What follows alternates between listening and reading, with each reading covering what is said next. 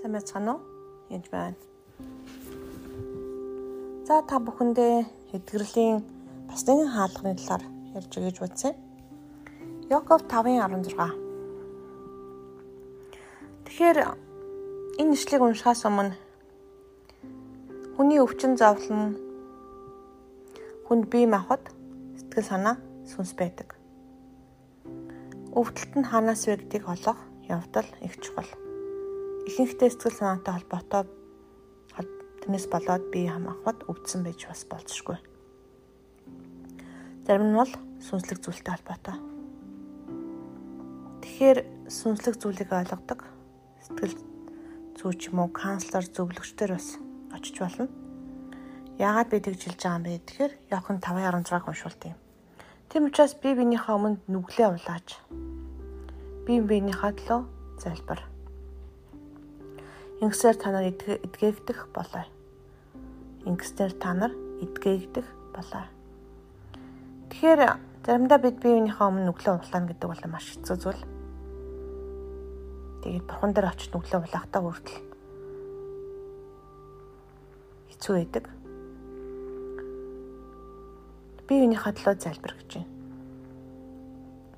Тэгэхээр зарим хүн биеиндээ ийм асуудлаа яхаа амьдралынхаа боломжгүй байдал ч юм уу ийм хэцүү байна.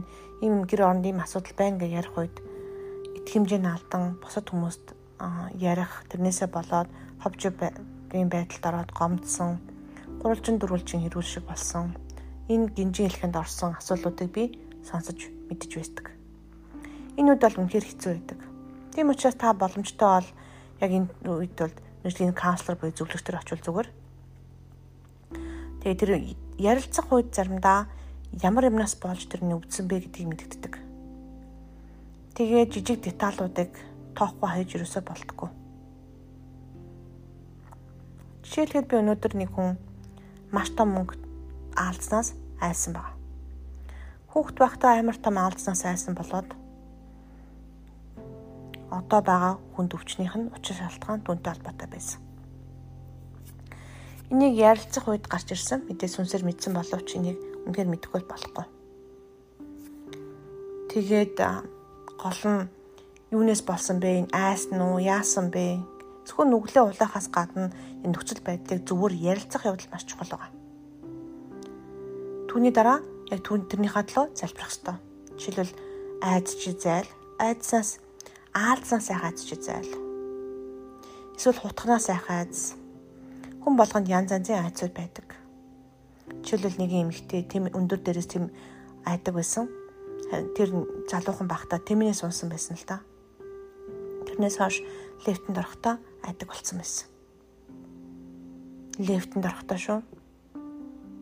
Тэгэхээр тэр айц нь явж явж тэмнээс унсан айцтай нь холбоотой болж хувирсан. Тэр үнийг ярилцахаас нааш буюу бие биентэйгээ ярилцахаас нааш үнийг мэдэх боломж байхгүй. Тэгээ энэ үед би энтэй ярилцаж үннийг мэдэж үннийг конфесс хийж буй ярилцах үед тэгээд тэр уучлах хэрэгтэй бол уучлж гим нүгэл байл гим нүглэнд цэвэрлэх үед тэгээд дараа нь залбирах үед ингэсээ та нар эдгээгдэх болоо гэж. Зөвхтийн залбирал үр нөлөөтэй бөгөөд ихийг гүйцэтгүүлж чадна гэж. Тэр зөвхтийн залбирал. Энэ дээр би бас хэлтгэлтэй. Гэхдээ зөвхтийн залбирал үр нөлөөтэй та нар залбираараа гэдэг хэлэхээр би зөвхт биш ээ Миний залбирал үр дүнтэй биш. Таал залбир гэж хэлдэг надад. Тийм биш л дээ. 2 дугаар Коринтын 5:21-ийг хэлжгээ. Нүглийг бүл мэдэж түүнийг бидний төлөө тэрээр нүгэл болгосны учраас энэ түүнийг тэрээр гэдэг юм ярьж байна.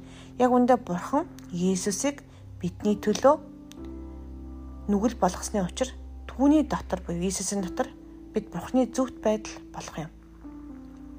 Тэр Христ дотор байх үед бид нэр зөвхт байдал дотор ордог бурхны зүвт байдал болдог ба.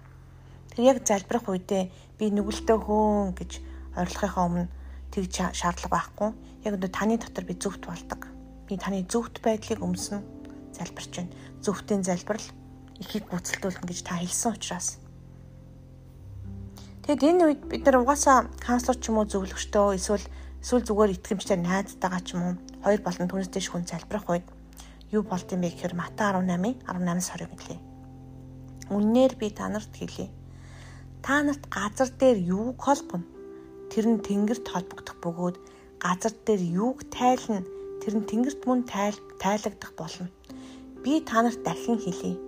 Та нараас хоёр чинь ямар нэгэн зүйлийг гуйх талаар газар дээр санаа нийлбэл тэнгэр дэх эцэг минь үүнийг чинь тэдэнд өгүүлдэх болно. Учир нь хоёр буюу гуруула миний нэрээр хаан цуглана. Тим би тэдний дунд байна гэж айлдав. Тэгэхээр яг тэгэхээр дараачийн алхам бол юм зөвлөгч буюу мэрэгжлийн хүмүүсийг хандах эсвэл яг одоо юу зөв итгэлийн залбирал хийж чаддаг.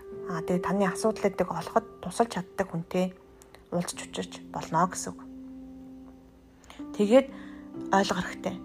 Та нар газар дээр юуг холбоно? Тэр нь тэнгэрт холбогдох бөгөөд газар дээр юуг тайлна? Тэр нь тэнгэрт мөн тайлагдах болно. Тэгээ бидний сэтгэлийн болон сүнсний би магадгүй олон хүлээс ч юм уу байдаг бид нар заримдаа тэдрийг тайлах үед газар дээр тэнгэр төр нь тайлагдж байдаг. Тэг тэгээд хоёр чинь ямар нэгэн зүйлийг гуйхтлаар газар дээр санаа нийлбэл тэнгэрт хэцмэн түүнийг чинь тэдэнд үйлдэх болно гэж.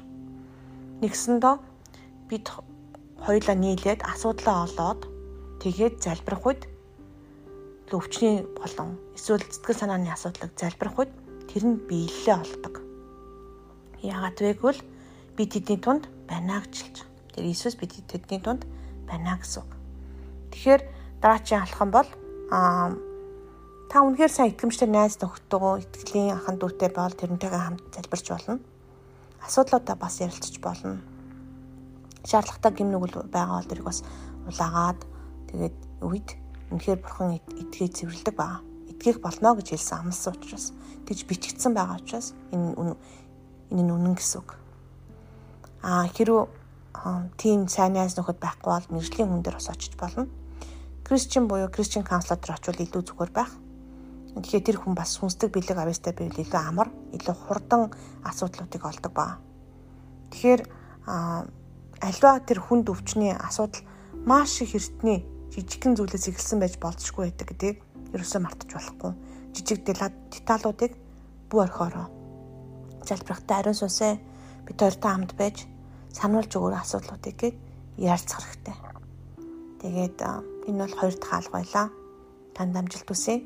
Тэгээд заримдаа би нэг өөрөө өөртөө хийдэг байгаа хамт өөрөө өөрийгөө скан хийдэг байгаа. Дээрээс нь эхлээд доошоо бие анхаарад Тэгээ би биеийн дотор ямар нэгэн өвчин зовлон байгаа бол анхаарлаа хандуулах үед тэр нь ямар нэгэн асуудалтай холбогдсон байдаг. Тэр нь хинтээ юутай холбогдсон шууд саанд орж ирдэг бол ариун сүнс сануулад ариун сүнстэй хамт би энэ итгэлийн залбирлыг хийдэг гэсэн үг. Тэгэхээр үнэхээр танд зөвлөгч байхгүй, үнэхээр найс нөхд байхгүй байсан ч гэсэн битээ саан зов яадгүй бурхан танд үргэлж хамт ариун сүнс тантай хамт бас хийх боломжтой гэдгийг мартаж болохгүй. Баярлалаа. Баяр та.